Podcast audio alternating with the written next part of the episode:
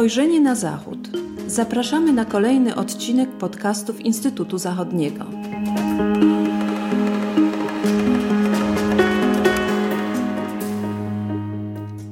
Dzień dobry, z tej strony Patrycja Teper. Witam Państwa w imieniu swoim oraz doktora Piotra Andrzejewskiego w podcaście Instytutu Zachodniego Spojrzenie na Zachód. Dziś będziemy wspólnie patrzeć bardziej na południe, Austrię i zdecydowanie na wschód, na Rosję. Oraz postaramy się dowiedzieć od Piotra, e, czy oba kierunki to na pewno przeciwny wektor. Naszym tematem będą mianowicie wpływy rosyjskie w Austrii. Okazją dla rozmowy jest m.in. artykuł w Politico pod tytułem Jak Austria stała się alpejską fortecą Putina. No właśnie, czy takie sformułowanie jest uprawnione, czy autorzy artykułu jednak przesadzili, Piotrze? Takie określenie publicystyczne y, nie jest użyte po raz pierwszy. Y, sam też brałem udział w innym podcaście, który nazywał się Niezatapialny lotniskowiec Putina Austria. Także coś jest y, zdecydowanie na rzeczy. I takie określenie, dość negatywnie określające rolę Austrii e, w Europie Środkowej, w moim przekonaniu jest uprawnione.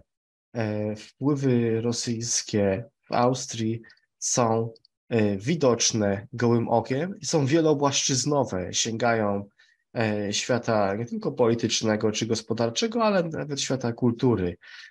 Co gorsza, te wpływy były budowane przez wiele dekad, jeszcze od czasów zimnej wojny, a konkretnie od 1955 roku, e, jeszcze w czasach Związku Radzieckiego.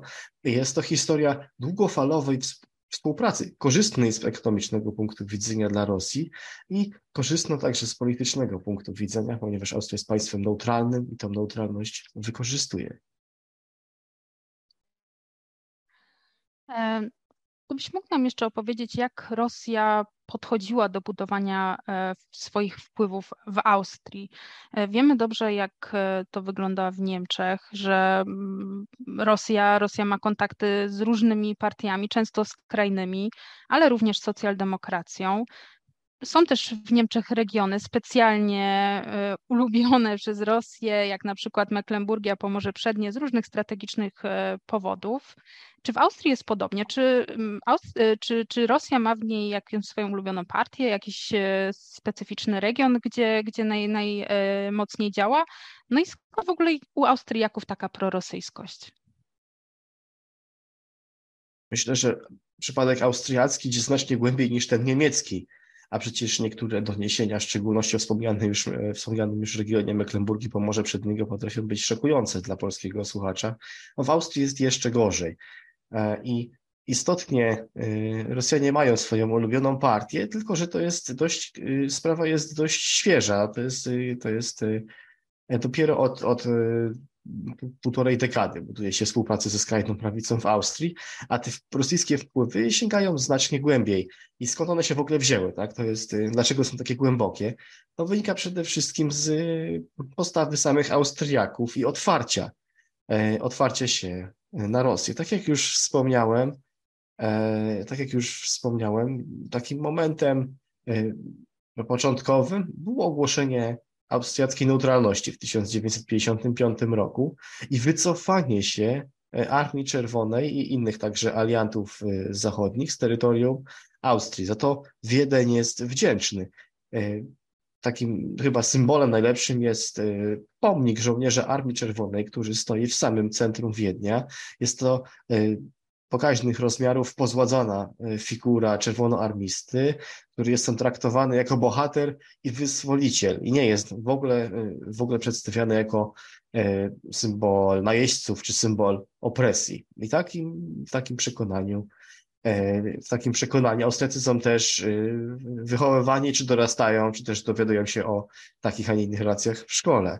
E, drugi aspekt, poza tym takim historycznym i, i tej neutralności, która powodowała, że Austria miała poprawne kontakty zarówno ze wschodem, jak i zachodem, była centrum spotkań dyplomatycznych pomiędzy prezydentami Stanów Zjednoczonych i pierwszymi sekretarzami Związku Radzieckiego Jest też kwestia gospodarki. To właśnie Austria była pierwszym państwem, która w Europie Zachodniej, która zaczęła kupować gaz z Rosji, to jeszcze w latach 60. XX wieku.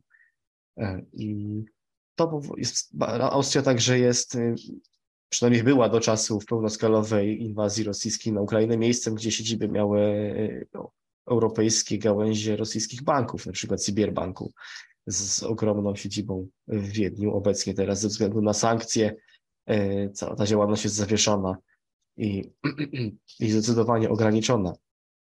Niemniej jednak, niemniej jednak dla, dla Austrii zawsze kontakt z Rosją to był interes, albo gospodarczy, a, albo polityczny.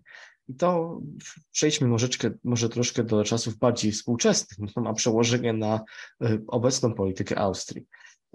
Zanim projekt e, gazociągu South Stream, troszeczkę zapomnianego w Polsce, no bo myśmy skupiali się na tym bardziej niebezpiecznym dla nas Nord Streamie, zanim ten projekt został utrącony przez Komisję Europejską ze względu na, za, na, na łamanie E, przepisów europejskich, e, to miał on właśnie, gdzie on miał się kończyć? On miał właśnie dochodzić do austriackiego potężnego hubu gazowego w miejscowości Baumgarten. Także byłby to, e, byłby to ogromny zysk dla, dla Austriaków, którzy byliby środkowoeuropejskim hubem gazowym na cały region, powiedzmy region byłej monarchii habsburskiej, naddunajskiej. I i, to, I także zapomina się o tym, albo nie wspomina się o tym, że Austria była zdecydowanie bardziej uzależniona od rosyjskiego gazu niż Niemcy. Przypomnę dla naszych słuchaczy, że y, przed, przed pełnoskalową Ros y, inwazją rosyjską na Ukrainę poziom uzależnienia Niemiec to było 55% od, od jednego dostawcy, od rosyjskiego dostawcy. W, w Austrii wygląda to znacznie gorzej, ponieważ Austriacy pozyskiwali gaz y, z Rosji z udziałem w rynku to było rzędu 75, ponad 80% takich wartości to dochodziło, e, co oznacza, że już sam, przez, przez tylko ten sam fakt Austria jest zdecydowanie bardziej podatna na wpływy rosyjskie.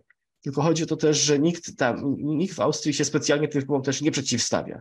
Nie ma partii, tak jak w Niemczech, jak CDU, która ma kierunek troszeczkę bardziej proatlantycki czy też proamerykański.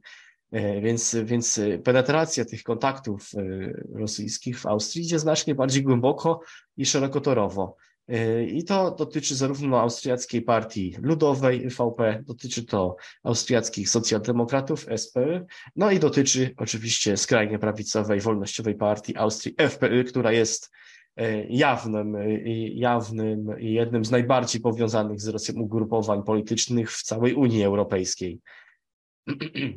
Tylko tak jak mówiłem, to jest kwestia dopiero, dopiero świeża. Wcześniej ta skrajna prawica, ona miała taki profil polityczny antykomunistyczny, e, wolnościowy, i, i y, przez to antyrosyjski.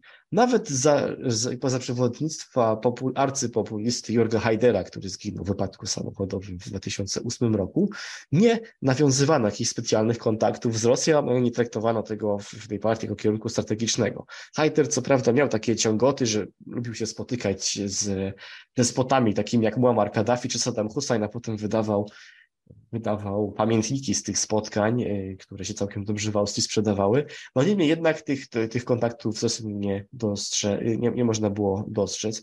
Dopiero kiedy, e, kiedy przewodnictwo w partii po Haiderze objął Heinz Christian Strache, e, to uległo zmianie i intensyfikacji. To właśnie FPU było pierwszą europejską partią, która podpisała umowę o współpracy z partią Jedna Rosja, tak? czyli tym ugrupowaniem, które stoi za za Władimirem Putinem. To właśnie wtedy zaczęto organizować y, bale y, Europejskiej Skrajnej Prawicy w Wiedniu i gospodarzami byli właśnie politycy FPU, na którym spotykali się z rosyjskimi oligarchami przedstawiciele skrajnej prawicy czy populistycznej prawicy z szeregu państw europejskich, w tym Bułgarii czy Francji. I tak jak, tak jak widać, to jest ten austriacki, austriacki przypadek naprawdę, poza tym, że jest e, zdecydowanie głębszy e, niż, niż ten niemiecki, to także szerszy, ponieważ trudno nie znaleźć środowiska, czy tu mówimy o jakichś niszowych ruchach, takich jak identytaryści w Austrii, którzy bardzo chętnie czytają Dugina i innych, innych rosyjskich, innych rosyjskich autorów, to mamy te, możemy przechodzić przez FPU, która współpracuje jawnie i bezpośrednio, także w kontekście wojny na Ukrainę, starają się zawsze blokować proukraińskie działania austriackiego rządu. E, mamy wpływ w gospodarce. Szczególnie e, tutaj muszę wymienić, że przeżarte są, e, przeżarte są dwie instytucje gospodar państwowo-gospodarcze austriackie, to jest, to jest Austriacka Izba Handlowa i Austriacki Holding Państwowy, który zrzesza kilka, kilka podmiotów, takich jak poczta czy telekomunikacja. I, i, i tam zawsze przewodniczący tych, tych grup prezentowali prorosyjskie stanowisko to było bardzo widoczne po aneksji Krymu i, i pierwszej agresji na Donbas, e, kiedy właśnie austriackie środowiska gospodarcze reprezentowane przez te instytucje były jednymi z największych krytyków wprowadzania sankcji na Rosję i to było także podchwytywane przez większość austriackiej klasy politycznej. Piotrze, ale chyba wymiana handlowa e, między Austrią i Rosją nie osiąga jakichś rekordowych wolumenów. E, jak rozumiem, to tylko elity gospodarcze korzystają na tej współpracy.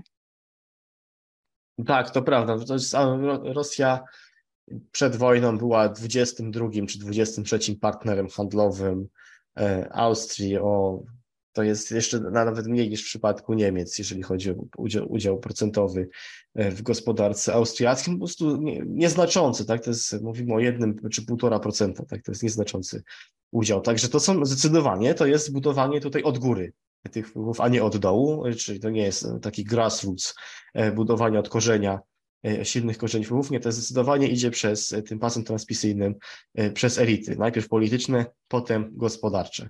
I to był, to był e, ten model austriacki. No tak jak mówiłem, także była też otwartość i chęć e, ze strony austriackich polityków na te, na, na te kontakty rosyjskie. Dość wspomnieć, że e, zarówno kanclerz, ze stro, kanclerz z Austriackiej Partii Ludowej Wolfgang Schüssel znalazł się znalazł się w Radzie Nadzorczej Roznieftu, a Christian Kern z socjaldemokrata z kolei pojawił się E, pojawił się w Radzie Nadzorczej rosyjskich kolei. Do tego mógłbym jeszcze wymienić kilka gorszących w Polsce przypadków, takich jak, jak obecność Władimira Putina na weselu y, minister spraw zagranicznych Karin Kneissel, która obecnie teraz y, stała się ustami Putina, wypisując y, anglojęzyczne artykuły prezentujące prorosyjskie, prorosyjski punkt widzenia, jeżeli idzie o, o rosyjską agresję na Ukrainę. Także jak widać tutaj, to przez cały spektrum polityczny, całe spektrum polityczne Austrii jest powiązane, jest powiązane y, z Rosjanami. Przy czym też muszę powiedzieć, że w przeciwieństwie do, y, do Gerarda Schrödera, taki Wolfgang Schüssel potrafił się odciąć po inwazji od Rosjan, zrezygnować ze stanowiska y, i, i zachować się przynajmniej w tym wypadku jak trzeba. Także to jest taki powiedziałbym, że taka łyżka miodu w, beczce, w beczce prorosyjskiego dziegciu w tym przypadku austriackim. Jak wiemy też, te wpływy y, rosyjskie w Niemczech, ale też właśnie w Austrii, one jednak y, wpływają na późniejszą reakcję elity politycznej na różne wydarzenia w których, w których też bierze e, udział Rosja. Wspominałeś już trochę o specyficznej reakcji Austrii, odmiennej od innych e, państw europejskich po aneksji Krymu. Mm, Putin też przecież był e, w Austrii już po aneksji Krymu i został przyjęty z honorami. I też wspominałeś o tym, że inaczej niż Gerhard Schroeder, niektórzy też, niektóre osoby zaangażowane w budowanie tych relacji odcięły się radykalnie. W Niemczech też mamy takie przykłady. E, no ale jak wiemy, też nie, nie wszyscy poszli w tym kierunku. I mam w związku z tym do Ciebie takie dwa pytania. Po pierwsze, właśnie o e, obecnie, jak Austria reaguje, mm, e, jakie są konsekwencje, jeżeli chodzi o wsparcie Ukrainy przez Austrię w związku z tymi specjalnymi relacjami. No i czy jest w ogóle jakiś, jakiś ruch, jakiś projekt, który, który, mm, poprzez który Austria chciałaby zerwać e, raz na zawsze współpracę, odciąć się od Moskwy, no i też rozliczyć elity z poddania się jej wpływom. Czy to w ogóle jest temat, e, który, nad którym debatują Austriacy? Od razu chciałbym rozwiać wszelkie wątpliwości co do jakiegokolwiek zerwania kontaktów z Rosją e, przez Austrię. To się na pewno nie wydarzy.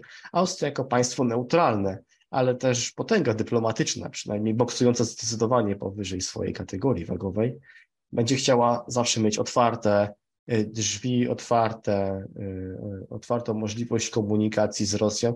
I też nie jest przypadkiem, że jedyny zachodni lider czy też polityk e, państwowy, który pojawił się w Moskwie po e, wybuchu wojny, no to był właśnie austriacki kanclerz Karl Nehammer. Nic nie, tam nie uzyskał w, w Moskwie, ale też przynajmniej austriackie, austriacy dyplomaci postarali się o to, żeby nie było żadnych zdjęć konferencji prasowych, żeby rosyjska propaganda nie mogła wykorzystać tej wizyty. Jak Austria reaguje? Mamy to, to jest takie janusowe oblicze tego państwa. Z jednej strony neutralność Austrii jest gwarantowana przez prawo międzynarodowe, więc Austriacy zawsze będą się opowiadać za przestrzeganiem tego prawa, a y, taka pełnoskalowa inwazja jest jawnym y, tego prawa pogwałceniem. Y, I zarówno Karl Hammer, czy wywodzący się z Partii Zielonych prezydent van der Bellen deklarują, że stoją po stronie Ukrainy, wysyłają pomoc humanitarną, finansują odbudowę szpitali, szkół i przedszkoli, czy nawet wysyłają drobny obronny sprzęt y, wojskowy, tak jak kamizelki kuloodporne, e, hełmy, apteczki, czy tym podobne. Nie wysyłają natomiast uzbrojenia, którego prawie nie mają, e, ale też nie mogą tego czynić ze względu na, na swoją neutralność. I to jest jedno oblicze Austrii. To jest Austria, która stoi po stronie e, obrony prawa międzynarodowego. I o tym, o tym tutaj politycy koalicji rządzącej czarno-zielonej w Austrii wspominają dość często. Natomiast jest też ten drugi aspekt, jest też ten drugi aspekt, y, mniej Ukrainie przychylny i to wychodzi w praniu na przykład. Możemy porównać E, sposób, y, w jaki, albo jak, w jakim prezydent, y, prezydent Ukrainy Wołodymyr Zeleński wystąpił w, przed parlamentem niemieckim w Bundestagu bez dużych problemów. W Austrii natomiast nie udało się do tego doprowadzić ze względu na brak konsensusu politycznego i tutaj winni są, są politycy wszystkich partii, którzy w prezydium prezydium Rady Narodowej Austriackiej nie potrafili sobie, nie potrafili znaleźć konsensusu ani tego uzgodnić. Dopiero po roku e, prezydent van der Bellen, który jest troszeczkę bardziej zaangażowany jako bardziej progresywny polityk zielony o takim zacięciu antyimperialistycznym, pojawił się, pojawił się w Kijowie z, ze wsparciem. Dużym problemem, przynajmniej w, tej, w tym względzie, jest fakt, że skrajnie prawicowa partia FPÖ, Wolnościowa Partia Austrii, obecnie je, stoi na czele sondaży, przekraczając momentami 30% poparcia. I lider tej partii, Herbert Kickl, nie ukrywa, y, nie ukrywa, że jest, y, jest zdecydowanym, zdecydowanym przeciwnikiem nakładania sankcji na Rosję i prezentuje antyukraińską postawę. Odwołuje się też bardzo często do polityki Wiktora Orbana. I wydaje się, że ci dwaj politycy, którzy często się spotykają e, ostatnimi czasy kontaktu intensyfikacji, chcieliby stworzyć taką, e, takie prorosyjskie Austro-Węgry w Europie Środkowej nad Dunajem, e, licząc także na Słowację, w której premier Fico może odzyskać władzę także o, o nastawieniu prorosyjskim i, i, i antyukraińskim. Także nie wygląda to dobrze, nie wygląda dobrze z polskiej perspektywy. E, rośnie duże zagrożenie, że pojawią się, e, pojawią się e, politycy jawnie prorosyjscy na czele, na czele państw środkowoeuropejskich, a Austria, jako najzamożniejsze państwo tego regionu, będzie nadawać ton takiej polityce, co, co utrudni, utrudni kooperację wspierania Ukrainy na, w Unii Europejskiej, bo w NATO nie ma, Austria nie jest członkiem NATO w tym, w tym wypadku akurat na szczęście. Niemniej jednak y, będzie to wyzwanie y, dla Europy i będzie to wyzwanie dla Polski, y, ponieważ te inwestycje rosyjskie w, w, w budowanie wpływów w Austrii, one teraz przynoszą owoce. Bardzo niepokojące jest e, e, to, o czym tutaj rozmawialiśmy. Austria jest kolejnym e, europejskim państwem, w którym Rosja budowała z powodzeniem swoje wpływy. To, jak widzieliśmy, ma swoje konsekwencje.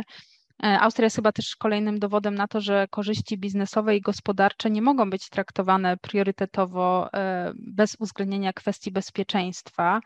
No i jeszcze na koniec naszła mnie taka refleksja, że odcięcie się od Rosji, nawet mentalnie, no to jest proces, który nie zadzieje się przy pomocy samych, samych deklaracji, których w dodatku w Austrii też e, jakichś zdecydowanych deklaracji w tym kierunku brakuje, więc e, mamy sytuację taką, że, że w Austrii właściwie wpływy są jeszcze silniejsze niż w Niemczech, którymi się bardziej zajmujemy, bardziej są eksponowane te przykłady współpracy i budowania wpływów.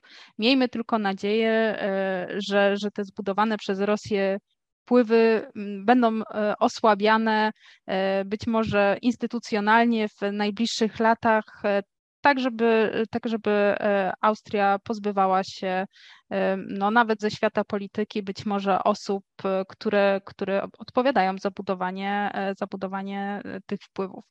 Piotrze, dziękuję za rozmowę. Państwu dziękuję za uwagę i zapraszam do śledzenia naszych kanałów w social mediach, na łamach których ukazują się informacje o nowych podcastach. Dziękuję bardzo. Dziękuję.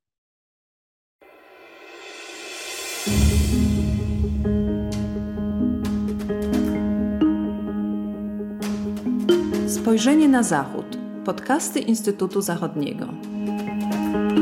Podcasty Instytutu Zachodniego dostępne są na platformach Spotify, SoundCloud i Apple Podcasts oraz na portalu YouTube. Zapraszamy do subskrypcji. Dzięki niej będą Państwo na bieżąco z wszystkimi naszymi nagraniami. Do usłyszenia.